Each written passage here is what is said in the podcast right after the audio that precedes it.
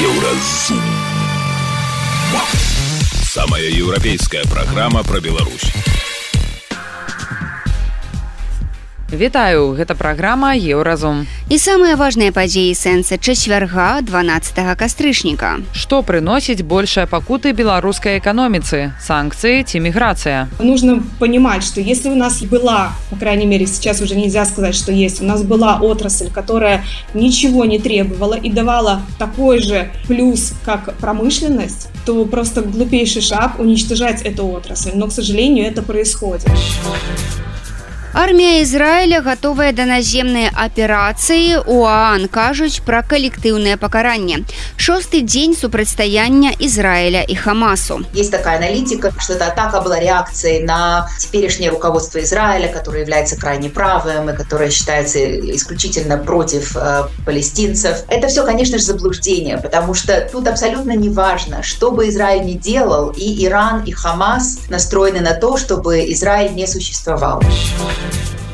Як лідер дай дарогу перажывае эміграцыю і калі збіраецца дадому. Мама у меня самый лучший человек в мире. И она говорит, Юра, приезжай, никто тебе ни письма ни, никакие не пишет, никто не приходит за тобой, все будет нормально. Но я-то знаю, что так я хоть ее могу как-то увидеть, чем-то помочь, передачки. А из подвала я вообще не знаю, там же ни телефонов, ни видеосвязи. Пра гэта ды іншае больш падрабязна цягам бліжэйшай гадзіны. Еўразум. Беларусь у еўрапейскім фокусе. Беларусы працягваюць з'язджаць з краіны, прычым па розных прычынах. Нехта ўцякае ад пераследу і пагрозаў рэпрэсіі, а хтосьці праз пошукі лепшага жыцця і большых заробкаў. Падавалася б, сёлета ў краіне рэкордныя заробкі, жыві не хачу. Аднак гэты момант чамусьці не спыняе беларусаў ад рашэння рызыкнуць і паспрабаваць шчасця ў іншай краіне. Дык ўсё ж што мацней б'е па эканоміцы Беларусі санкцыі, а іх жа ніхто не адмяняў так ці працоўная міграцыя. Пра гэта на YouTube-канале обычное утро поразважала экономистка Алиса Рыжиченко. Очень сложно ответить однозначно на этот вопрос, потому что санкции Европейского Союза в отношении Беларуси, которые приняты в отношении экономики и каких-то отраслей, они бьют по одной части, а отток белорусов и трудоспособного населения бьет по другой части экономики. То есть если мы говорим про санкции от Европейского Союза, это в первую очередь санкции, которые затрагивают экспорт. А экспорт – это у нас деревообработка, калийные удобрения, нефтепереработка. То есть те отрасли, которые были э, драйверами промышленности, экономики э, в прошлом и которые давали основной приток э, иностранной валюты в нашу страну, что поддерживало курс доллара да, и курса белорусского рубля.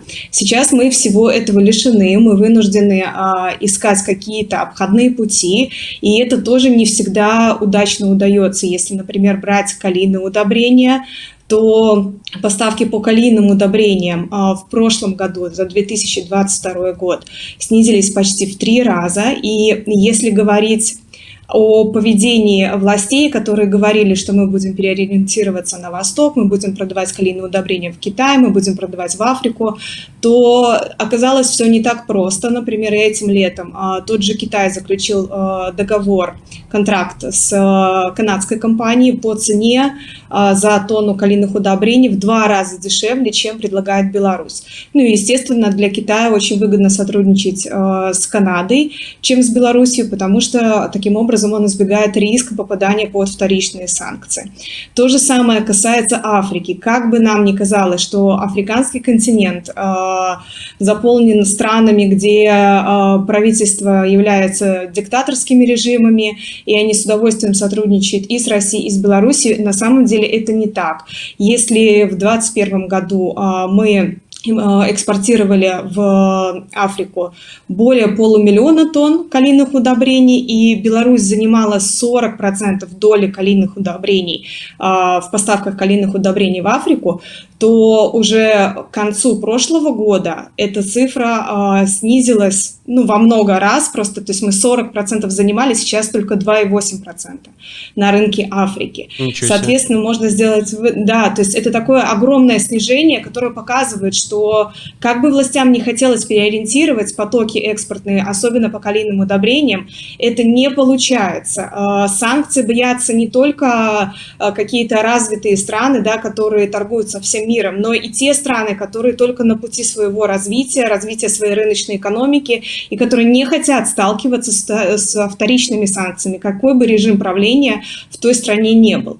И поэтому, конечно, санкции, которые приняты Европейским Союзом, а, они сильно бьют по экономике, по экспортной отрасли, то же самое касается древесины, Э, казалось бы, да, в прошлом году у нас были, э, ну, было много сообщений, что через Казахстан э, ввозят белорусскую древесину в Европейский Союз. Но тут есть два фактора важных. Да, это было. Какая-то часть вот этих вот подсанкционных потоков была прервана, но у нас есть главный конкурент, это Россия, с которой же мы сотрудничаем, и которая таким же образом пытается продать свою древесину и вести ее через Казахстан и другие постсоветские страны в Европейский Союз. И второй момент – это цена, за которую мы продаем эту древесину в Казахстан, либо каким-то подставным компаниям, неважно. В любом случае, эта древесина уже продается не по той цене, которую мы могли бы получать, продавая напрямую в Европейский Союз. И вот тут это самая главная проблема. И, в принципе, те производители, которые занимались производством пиломатериалов, они очень сильно пострадали. А что касается производителей уже конечного продукта, там, например, мебели, то их санкции не очень сильно коснулись. Нефтепереработка. Тут, к сожалению, нет у нас никаких актуальных данных. Это скрывается и в России, и в Беларуси. По другим странам тоже очень сложно посмотреть эту статистику. Но однозначно, что потоки э, нефтяные снизились. Нефтепереработка продается э, более сложно. Ее больше, более сложно скажем так, доставлять, продавать.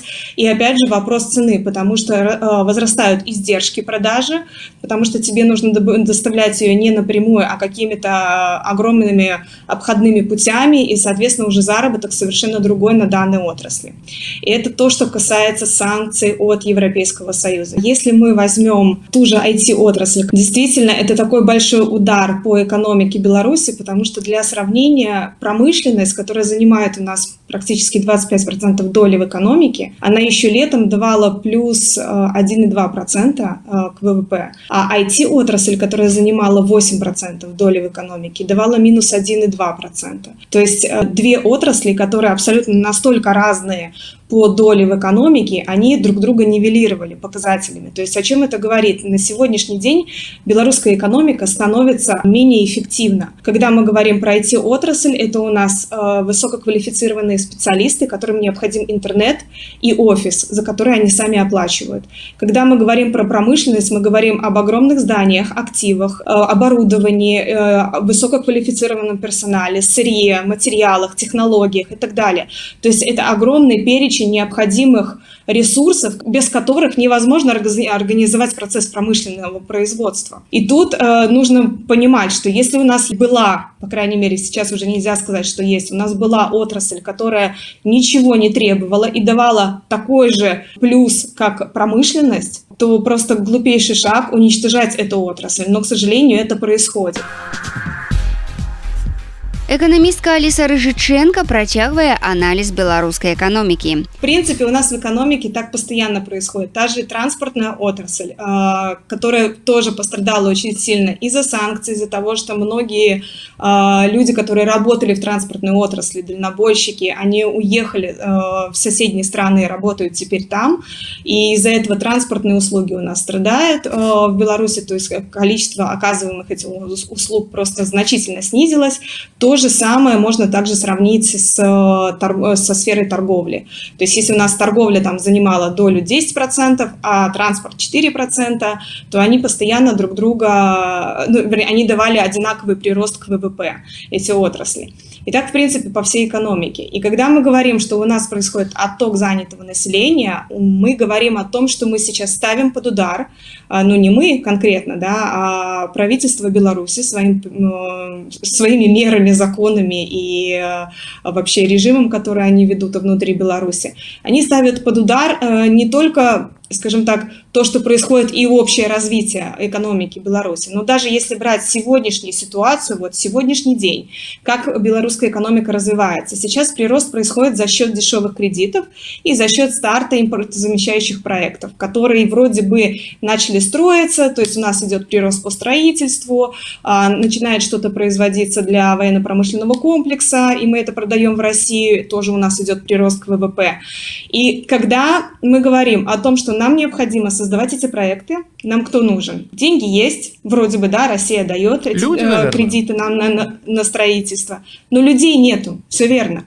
Что бы вы ни делали, если у вас есть здание, у вас есть оборудование, но если у вас некому работать на этом производстве, вы не сможете ничего производить. А просто так нанять людей обычных там ну, с улицы без образования соответствующего невозможно на такие производства, потому что чаще всего они связаны с технологиями. Да, э, обычный персонал, где там такой примитивный ручной э, труд, можно найти людей, особенно там, например, в регионах где-то. Но если мы говорим про специальности инженеров, про людей, которые которые будут обслуживать это оборудование, а, настраивать автоматизацию этого производства, то мы говорим о высококвалифицированных специалистах, которые уезжают из страны. Но, естественно, есть еще и э, косвенные последствия, которые вроде бы никто никак не замечает, но когда у нас сокращается занятое население в экономике, у нас сокращаются налоговые поступления, у нас ухудшается социальная сфера. А, если мы вспомним 2020 год, когда началась пандемия, что людей э, возмутило почему люди начали выходить на протесты. Потому что стал буквально вопрос жизни и смерти. Люди не понимали, что происходит, кто будет их защищать именно в вопросах здравоохранения. А Им не давали снял, ясности. себя полномочия, сказала, да. что ничего нет. Угу. Угу. Именно. И сейчас может произойти такая же ситуация, потому что у нас уезжают не только IT-специалисты, не только инженеры, у нас уезжают учителя, у нас уезжают врачи. И это как раз-таки та социальная сфера, которая напрямую и э, очень часто касается непосредственно жизни людей. То есть они идут на работу, э, заболевают, им нужен доктор. Но когда ты живешь в небольшом городе, где там 100 тысяч населения, ты понимаешь, что у тебя нету узкоспециализированных специалистов в поликлинике, ты начинаешь задумываться о том, так, а где это бесплатная медицина, о чем вообще это социальное государство. То же самое ты ведешь ребенка в школу, и ты понимаешь, что его там учат просто безобразным образом, и либо некому его учить абсолютно. Ты тоже начинаешь задумываться. То есть это конкретно вопрос уже выживания как твоего рода, твоего человечества. А вот вы уверены, страны. что люди начинают задумываться? Они, конечно, задумываются. Просто, конечно, другой вопрос в том, кого они обвиняют в этом. О. И благодаря пропаганде белорусской по телевидению, где у нас э, ежедневно происходит вот это вот на все обозрение порка чиновников, что вот ты виноват, ты будешь уволен, ты пойдешь в отставку и так далее. Там Головченко угрожает, что не выполнишь показатели, пойдешь в отставку в конце года. Благодаря как раз-таки этому нарративу, этому посылу, и люди люди и думают, что ну у нас же вот э, Александр Григорьевич хороший, а остальные все плохие чиновники и воруют как раз-таки на местах. Но воруют и происходит весь беспредел только на верхушке. На местах люди очень боятся вообще это все производить какие-то манипуляции с государственными деньгами. А вот как раз-таки верхушка это ворует. Но это все со временем. У людей накипает. Люди, люди тоже не сразу приходят э, к каким-то решениям, каким-то кардинальным мерам, каким-то, э, скажем так, вот когда, ну, все накипело, и я сейчас взорвусь, и вот я понимаю, что уже, ну, дальше уже некуда. Когда будет вопрос жизни и смерти, когда, не дай бог, кто-то не сможет спасти своего ребенка, либо какого-то близкого из-за того, что не хватает докторов, хирургов в больницах, вот тогда э, людям будет плевать, поверьте, о том, на то, что им за это это будет, какие репрессии в отношении их э, будут производиться, если они начнут возмущаться. Они начнут возмущаться. И это совсем скоро будет, потому что, к сожалению, ситуация идет именно к этому. Эканамістка Аліса Рыжыченко дадае, што найбольш у сферы эканомікі за апошнія тры гады пацярпелі IT-сектар і гандаль. 90соткаў гандлёвых прадпрыемстваў сёння альбо стратныя, альбо нізкарэнтабельныя. Прычым рэнтабельнасць, кажа экспертка, выводзяць на паперы, каб не дэманстраваць мінус. Іншыя ж працуюць іншыя ж прадпрыемствы працуюць альбо ў страту, альбо проста ў нуль. Адсюль на некаторых прадпрыемствах невысокія заробкі і закрэдытаванасць ёсць. Ну а выснову пра беларускі эканамічны цуд рабіце дарагія слухачы самі. еўрарадыё.фм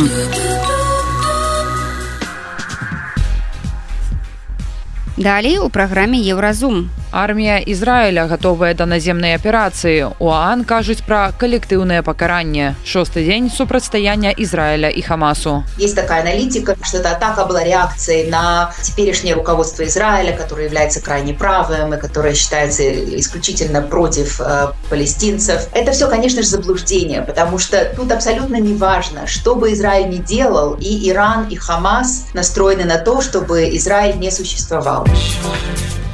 Як лідар дай дарогу перажывае эміграцыю і калі збіраецца дадому. Мама у меня самый лучший человек в мире. И она говорит, Юра, приезжай, никто тебе ни письма ни, никакие не пишет, никто не приходит за тобой, все будет нормально. Но я-то знаю, что так я хоть ее могу как-то увидеть, чем-то помочь, передачки. А из подвала я вообще не знаю, там что ни телефонов, ни видеосвязи. Сустрэнемся пасля навінаў спорту. Еўразум Беларусь у еўрапейскім фокусе.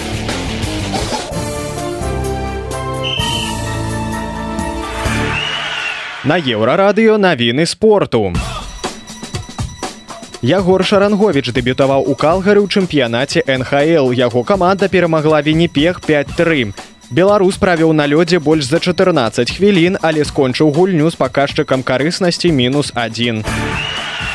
Хакеісты мінскага дынама ў чэмпіянаце КХл разграмілі кунь-лунь 4-0. 13 кастрычніка адбудзецца гасцявы матч з армейцамі. У заходняй канферэнцыі дынамаўцы займаюць шостае месца, ска на восьмым. У гандбольнай лізе чэмпіёнаў польскі кельцы, за які выступае беларус Артём каралёк прайграў нямецкаму кілю 31-35. Венгерскі веспрэм перамог порту 36-30. У складзе пераможцаў беларус Мікіта Вайлупаў закінуў тры мячы.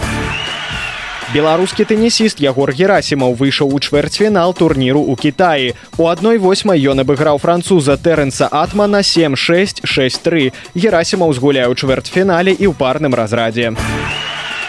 Асацыяцыя тэнісістаў прафесіяналаў перанесла турнір з Ізраіля ў балгарыю з-за баявых дзеянняў. На яго правядзенне прэтэндавала Іспанія, але ў арганізацыі вырашылі аддаць спаборніцтва балгарскай сталіцы з-за больш выгаднай фінансавай прапановы. Гэта былі навіны спорту, заставайцеся на еўрарадыё.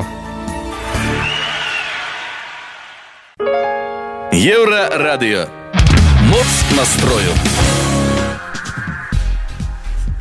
Ізраіль цалкам спыніў гуманітарную дапамогу сектару газа то бок пастаўкі электрычнасці газу і вады усё гэта адновіцца калі хамас верне ізраільскіх закладнікаў узятых у палон сёмага кастрычніка у дзень калі палестынскія ісламісты прарваліся праз мяжу суседняй краіны на момант запісу гэтай праграмы улады Ізраіля заявілі што гатовыя да наземнай аперацыі ў газе аднак канчатковае рашэнне яшчэ не прынятае пакуль бакі канфлікту працягваюць абменьвацца аві авіяударамі нібыта па тактычных мэтах. У той жа час эксперты Аан кажуць, што удары Ізраіля па сектары газа раўназначныя калектыўнаму пакаранню. Яны асуджаюць суботні напад Хамасу на Ізраіль, аднак кажуць, што Ізраіль бамбіць праціўніка, забываючы пра знясіленыя войнамі і блакады палестынскае насельніцтва газы. У Аан мяркуюць, што атакі на мірнае насельніцтва ваеннае злачынства як з боку Хамасу, так і з боку арміі Ізраіля. Паралельна з'яўляецца ўсё больш падрабязнасцяў нападу хамасу на ізраільскія кібуцы Вядома, што ісламскія баевікі, патрапіўшы на тэрыторыю Ізраіля, не шкадавалі нікога, ні старых, ні жанчын, ні дзяцей. У адной з камун яны забілі 200 чалавек, з якіх 40 дзяцей. Прычым забівалі іх з асаблівай жорсткасцю. Людзей і дзяцей знаходзілі нават зацечанымі галовамі. Марыя Балах, жыхарка кібуцца на Халь-Ос, размешчанага практычна на мяжы сектара газа. У дом Марыі праніклі баевікі Хамас. Ёй з грудным дзіцям і мужам удалося схавацца ў абароненым пакоі і выжыць. Сваю гісторыю Мария распавяла телеканалу «Настоящее время». Историю я постараюсь коротко изложить. Она. И можно очень долго это рассказывать, но где-то в районе 7 утра началось начался очень массированный обстрел э, территории Израиля из сектора Газа. Мы, правда, мы, мой муж там всю жизнь прожил, 40 лет, и я там 5 лет прожила, и мы не помним такого, чтобы вот настолько сильно стреляли, настолько массированно стреляли. Э, мы успели, опять же, у нас, э, в принципе, в кибуце трехсекундная готовность. Мы находимся примерно в полутора километрах от сектора Газа, и у нас просто трехсекундная готовность. Это, слава богу, богу, если ты прям рядом с защитной комнатой, если нет, ну, значит, молись. И мы очень быстро схватили нашего ребенка, у нас семимесячная дочь, и побежали с ней в защитную комнату. Она называется «Мамад», я буду использовать это слово, оно короткое и удобное. И побежали туда. В какой-то момент, когда немножко ну, они не стихли обстрелы, но чуть-чуть стало, было время вдохнуть, мы с мужем выбежали обратно в дом и собрали необходимые вещи. Я принесла сумку с документами, мы принесли воду, мы принесли бутылку воды, мы принесли что-то перекусить, и мы принесли зарядное устройство для телефона. В принципе, эти вещи спасли нам жизнь тоже в каком-то плане, потому что без воды мы бы просто не выжили там и все такое. Мы заперлись, э, заперлись снова в Мамаде, опять были обстрелы, в какой-то момент мы начали слышать перестрелку уже из автоматического оружия. Э, как только мы услышали перестрелку, стало понятно, что речь идет о наземном проникновении, что это не просто, как обычно, обстрелы, это как бы уже проникновение и бой. И, опять же, мы надеялись, что э, у нас больше, что армия держит большие силы, и сейчас все как бы отстреляются и все прекратится. Но, к сожалению, оказалось, что все не так. Э, Хамас организовал действительно массовую э, акцию и очень продуманную.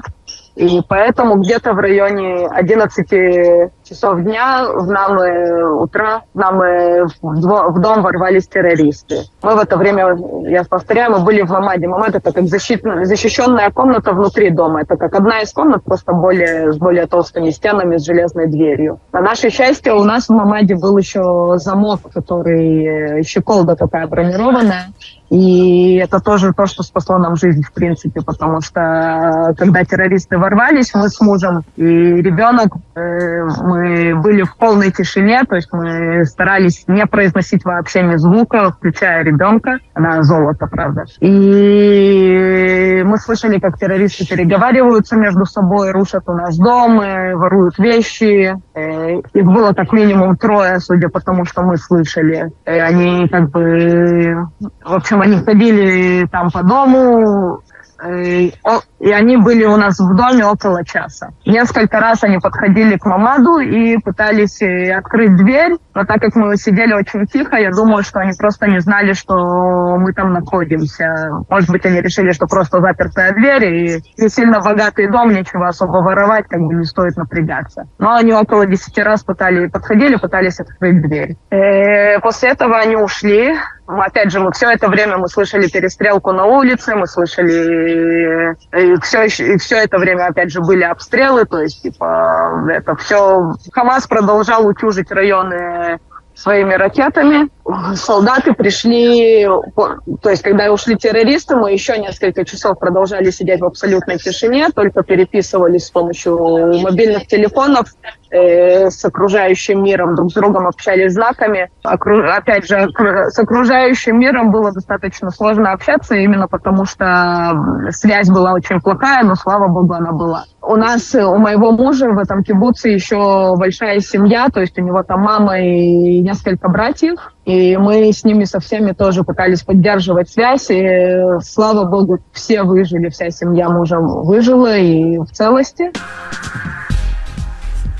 Тым часам па ўсім свеце праходзяць акцыі падтрымкі як ізраільскага так і палестынскага народаў нагадаем што хамас які напаў на ізраіль сёмага кастрычніка гэта ісламіцкая групоўка якая прыйшла да ўлады ў сектары газа ў 2007 годзе і якая мае на мэце сцерці ізраіль з карты свету чым тлумачыцца падтрымка хамас і чаму ўлада баевікоў шкодная для самой палестыны тлумачыць старшая дарацца інстытута кена изабелла табароўскі это конечно никак нельзя объяснить с логической точки зрения, потому что, естественно, тут стороной, на которую напали, является Израиль. У Израиля огромные потери. Э, это женщины, это дети, это э, огромное количество людей взято в плен и увезено в Газу. Почему же тогда происходит такая поддержка? Но я бы сказала, что для каких-то групп, которые мы видим на этих демонстрациях, это, в общем, является их э, стабильной установкой. Там есть и люди, которые являются ча- частью палестинской диаспоры. Но вообще, конечно, если посмотреть на это гораздо шире, то это, в общем, является и довольно широкой установкой крайне левых групп э, на Западе, в Соединенных Штатах. И можно на это посмотреть с исторической стороны. Это, в общем, очень давняя установка, но это, в общем, часть идеологии этих групп. Например, в Соединенных Штатах есть довольно серьезная, э, серьезная часть американского общества, которая считает, что есть такое противостояние, либо ты поддерживаешь палестинский народ, либо ты поддерживаешь Израиль, что я считаю это искусственное противопоставление, потому что Хамас, безусловно, не является полезным для палестинского народа. Если мы посмотрим на то, какое количество инвестиций, какое количество денег было, так сказать, вложено или направлено в Газу с, с момента вывода израильских войск и израильского населения из Газы в 2005 году. Это огромное количество денег. И, конечно, за эти суммы Газа могла бы стать просто процветающей территорией. Были большие планы о том, чтобы в Газе построить порт. Она, она прямо находится на Средиземном море, это могли бы быть курорты, она могла бы стать э, туристическим центром. Но Хамас, получая эти деньги, забирает их на свою террористическую инфраструктуру, на строение тоннелей, э, которые, через которые они э, могут нападать на Израиль, на закупку оружия. В результате Газа остается все беднее, беднее, беднее, а Хамас вооружается все больше и больше. Хамас руководит Газой все это время с 2005 года. Тут нет речи ни о демократии, ни о какой-то свободе выбора. И поэтому люди, которые считают, что поддерживая Хамас, они поддерживают палестинский народ, они, конечно, глубоко заблуждаются. Мы знаем о том, что Иран э, приложил, играл очень важную роль в подготовке этой операции. И, конечно, ситуация очень, очень опасная. У Ирана и у Хамаса э, совпадают э, цели в отношении Израиля. Они связаны с тем, чтобы уничтожить Израиль, э, полностью, так сказать, смести его с лица земли. И это важно понимать, потому что вот некоторые пишут о том, что есть такая аналитика, и это, кстати, те, кто пытаются оправдать действия Хамаса, говорят о том, что это была, что эта атака была реакцией на э, на теперешнее руководство Израиля, которое является крайне правым и которое считается исключительно против э, палестинцев. Э, это все, конечно же, заблуждение, потому что тут абсолютно не важно, что бы Израиль ни делал, и Иран, и Хамас настроены на то, чтобы Израиль не существовал. У той жа час з'явілася інфармацыя, што Егіпет адмовіўся адкрываць калідор для палестынскіх уцекачоў. Улады гэтай краіны, якая выступае пасярэднікам паміж Ізраілем і сектарам газа, лічаць, што палестынцы мусяць заставацца ў газе і гэта адзіная магчымасць адстаяць права на сваю дзяржаўнасць. Па іншых дадзеных адзіны прапускны пункт на мяжы Егіпта і сектара газа адкрыты. Улады Егіпта просяць Ізраіль спыніць абстрэл перахода, бо гэта перашкаджае ягонай працы. Еўрарадыё. Твая улюбёная хваля. Далей у праграме Еўразум як лідар дай дарогу перажывае эміграцыю і калі збіраецца дадому мама у меня самый лучший человек в мире и она говорит юра приезжай никто тебе ни письма ни, никакие не пишет никто не приходит за тобой все будет нормально но я-то знаю что так я хоть ее могу как-то увидеть чем-то помочь передачки а из подвала я вообще не знаю там что ни телефонов ни видеосвязи сустрэнемся пасля навінаў шоу-бізу еўрарадыё Твоя улюбёная хваля. Шоу-біз. Шоу-біз.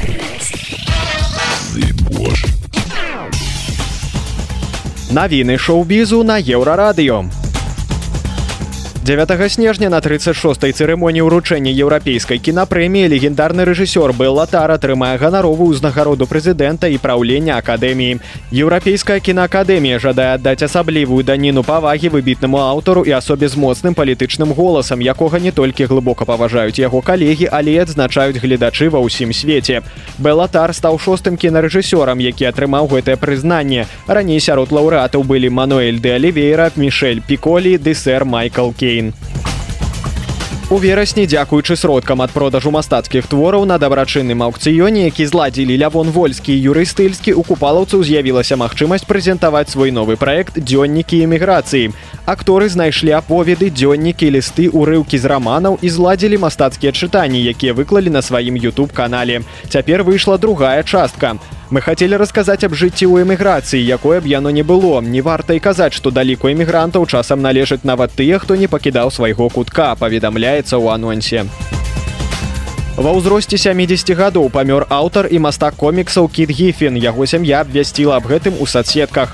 Па дадзеных за Халівуд рэпорта прычынай смерці стаў інсульт. Кіт Гіфін пачаў пісаць для Марвел у 70-х годах, а ў 1991 годзе атрымаў жаданую ўзнагароду інкпоты Words на комік-кон у Сан-Дыега. Працуючы ў Марвел, ён разам з пісьменнікам Білам Мантло стварыў янота ракету, які пасля стаў часткай каманды вартавыя галактыкі. У 80-х і 90-х годах Гіфін пісаў і маляваў для DC комікс легіён супергерояў. На аукцыён сосберыс выстаўлена карціна суціна за 800 тысяч еўра. Праца мастака беларускага паходжання хайма суціна сельскі пейзаж у серы стаў самым дарагім лотам на аукцыёне імпрэсіяністаў і сучаснага мастацтва. Таргі пройдуць 21 кастрычніка ў парыжы. Карціна была напісана прыкладна ў 19-20 годах мінулага стагоддзя. Таксама на аукцыён выстаўлены дзве работы марка шагала. Адна з іх зроблена гуашу на паперы датавана 1951-52. Адзначаецца, што сапраўднасць гэтай працы пацверджаная камітэтам шагала. Гэта былі навіны шоу-бізу, заставайцеся на еўрарадыё.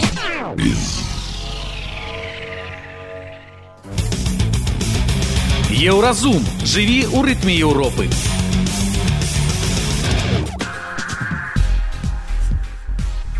Спартыўны журналіст вядучы youtube канала чеснок палітвязень александр волін выпусціў фільм под назвай разарваная Беларусь про тое як рвуцца дадому тыя хто праз пагрозу рэпрэсій вымушаны быў з'ехаць у эміграцыю герояў у стужцы шмат і яны розныя. Электрык праваабаронца журналіст музыка блогеры акцёр доктар жонка палізняволенага і гэтак далей. Усе яны жывуць тут і цяпер аднак за мяжой. Але пры першай жа магчымасці збіраюцца паехаць дадому праз колькі гэта адбудзецца ну 26гадовая блогерка ліза ветрова спадзяецца што свае 40 гадоў сустрэне на радзіме менш песімістычна глядзець у будучыню дырэктарка нашай нівы на староўда яна плануе быць дома ў свае 33 то бок мяркуе што чакаць засталося гадоў 5 А вось што пра свой ад'езд эміграцыю і вяртанне думае лідар брэскага гурта дай дарогу юрыстыльскі тебе сейчас 47 ну да пускай будет так. Когда ты вернешься в Беларусь тебе будет сколько? Я короче знаю что подумала? Что раз мне судьба сюда закинула значит я чему-то должен научиться. И так как у меня есть карта поляка а польша польский я не знаю, я просто обязан его выучить, и тогда я поеду домой. Я себе такую установку дал. Ну, что я как бы обманул судьбу, да. Я пришел, блин, получил карту поляка, а, блин, с, ну, с нулевым знанием польского. Негоже, подумал Всевышний. Иди-ка поучись уму-разуму. Я думаю, еще, ну, как бы годика два мне хватит для того, чтобы подтянуть. Ну, типа, не отвечаю за базар, что надо было оставаться. Не, ну, как бы в этом логика была какая-то. Я был уверен, что я, допустим, вот пройдет этот суд, да, вот признание клипа экстремистским, там, это баю-бай. И, естественно, там, ну, какое-то время и, возможно, там, ну, какие-то разведка у меня работает все-таки. Вот, и мне скажут, да, это все ерунда, детский лепет, это все как бы так. Мелкий шорох, приедешь назад, и все будет спокойно. Но я я как уехал, а там все сильнее и сильнее болты закручивают. И уже смотрю, уже, ну, это уже чуть позже началось, когда Торбенд посадили, формирование какое-то. И вообще за лайки, подписки, там какие-то комменты, там три слова каких-то лишних. Ну, уже началось такое за гранью. Короче, полный сюр, как это сейчас говорят все. У меня была и карта поляка, я зачем-то, я ее когда-то получил. Я был уверен, что она мне не нужна, понимаешь? У меня были такие мысли, что вот все мои друзья, знакомые, разные закупы, там у них какие-то приоритеты свои были, там купи, продай что-то, ну какой-то бизнес, вот. Я думаю, зачем мне это надо, весь, весь, ну, вся эта Польша, хотя у меня карта поляка могла быть, по идее. Но я думаю, нужно быть полным дебилом ее не сделать. И через 10 лет Прикинь, я вот так позаботился о своем будущем, что типа я сюда приехал, и ну вот, здрасте. Почему Брест? Кому скучаешь? Я в Бресте состоялся. Ну, просто, понимаешь, для меня... Ну, я эти... уже, я, у меня вот только вот это главное вот ребро. Если бы я был Петей каким-то, да, вот работал на стройке там, или в офисе сидел, или еще там что творил, вообще пофигу что. Я бы то же самое делал бы здесь, но я уверен, то, что здесь возможностей больше, этого больше народ классный, блин, ну то есть свобода какая-то есть. Ты чувствуешь себя, я уже, меня отпустили эти вот автозаки всякие. Ну, короче, каким-то... Здесь менты приходят, выходят на, на митинги, потому что у них зарплаты маленькие, ну ты прикинь. И вот точно так же проживать, как и там жизнь, ну вообще класс. А просто здесь жизнь моя с нуля, потому что я там работал над тем, чтобы быть как бы востребованным творческим человеком. 25 лет работал над этим. И, при, и пришел к этому, что самое интересное. А здесь хоба обнулилось все. Ну давай, давай, вон поучи польский, впитай культуру. Давай. Да прикинь, вообще жесть. Слушай, а как новости узнаешь о Бресте? Остался, остались там друзья? Как они? Да все, каждый мне звонят, пишет постоянно, снимают видосы. Он сейчас позвонил вчера, чел показывал советскую. Я ему очки передал с Польши, классная. Вот, и он в очочках уже красивый ходит по совку и говорит, посмотри, что тебе еще показать. Я говорю, ну давай, рули. И он там это, то, там какое-то новое заведение там открылось, Одесса называется. Какого хрена под таким названием? Не, не догоню, как они разрешили, да? Угу. Еще бы флаг повесили. Ну, короче, не мешало бы, да, ночью привинтить. Очень, конечно, хочется домой после таких видосов. И кажется, ах, ты во всех интервью очень тепло говоришь про маму, маму, маму. Я ее навещал каждый день, мы с ней катались всегда. Там, я думал, может даже на мотике покатать, потом думаю, нет, это бредовая идея. Вот, ну и мама у меня самый лучший человек в мире. Ну. И она говорит, Юра, приезжай, никто тебе ни письма ни, никакие не пишет не это самое, никто не приходит за тобой, не очкуй, давай, там все будет нормально. Но я-то знаю, что я так я хоть ее могу как-то увидеть, чем-то помочь, передачки, там, ну, наладить какие-то мосты. А из подвала я вообще не знаю, там же ни телефонов, ни видеосвязи. Или есть что-нибудь? У меня не было. Вот так. Смотри, а как ты маме сказал, что типа, мам, я надолго? Я, под... я ничего не говорю, я наоборот говорю, что скоро вот-вот, мама, сейчас вот, и мы вот этим живем, ага. как и все белорусы. Ну и вот у нее надежды такие, не тают, как бы вот мы вот так вот общаемся, обманом. Какой у тебя был разговор с мамой, когда вот прям подкатило, вот когда вот за эти, сколько ты уже в эмиграции? Больше года? Ничего да? мы с ней не говорим. Мы с ней, оба, мама, здорово там, как здоровье, все нормально, как бабки, как сплетни, как церковь. Ага. Вот у нас про это разговоры и все. Ну и там, когда ты уже женишься? Ну или там, когда ты приедешь? Я говорю, ну вот скоро там, потому что, ну, мама, понимаешь, Понимаю, Юра, крепись там, давай, угу. ну и все. Угу. Она не унывает, там у нее свои какие-то приколы. Конечно, грустно без меня, потому что я там ей составлял компанию какую-то такую нехилую. Ну вот. И ремонт, что самое обидное, не доделал. Потому что я в двухкомнатных паркет почистил, стены побелил, плитку положил, даже БД сделал и уехал на, на половине. Эх, домой бы взгрустнул, да? Вот так. Пролетали мимо сотни километров, миллионы лиц которых я не видел. Кожу обдувало незнакомым ветром. Я его вдыхал, любил и ненавидел. В голове моей одна и та же схема. Ну, когда же меня выкинет на берег? Когда под ногами я увижу землю, тогда буря моих кончится истерик. Я вернусь домой. Новая песня Юрыя Стыльскага. У кліпе да яе зняліся медыйныя беларусы. У відэа можна ўбачыць таксама фота тысячы беларускіх палітвязняў. Цалкам паслухаць твор можна на YouTube-канале дай дарогу. У 2021 годзе кліп і тэкст песні дай дарогу баю-бай былі прызнаныя экстрэміскімі. Праз бяспеку сваіх прыхільнікаў калектыў закрыў доступ да гэтага відэа. А на пачатку 23 -го года рэжым аб'явіў экстрэміска яшчэ одну песню дай дарогу якая такі называется экстрэміст Яна прысвячалася ўсім экстрэмістам два -го года, тым, хто пералазіў праз калючы дрот, усім тым, хто плыў, ляцеў поўз і проста ў жаху уцякаў ад вар'яцкіх прысудаў. Для ўсіх смелых беларусаў, якія, нягледзячы на дзікую машыну рэпрэсіяў, не пабаяліся адстойваць сваё права на свабоду і працягваюць змагацца, напісалі музыкі. Гэта была праграма Еўразум, штодзённы інфармацыйны падкаст еўрарадыё. Кожны дзень мы распавядаем пра галоўныя навіны Беларусі і свету свету. А сённяшні выпуск скончаны. Беражыце сябе. Пачуемся. Еўразум. Самая еўрапейская праграма пра Беларусь.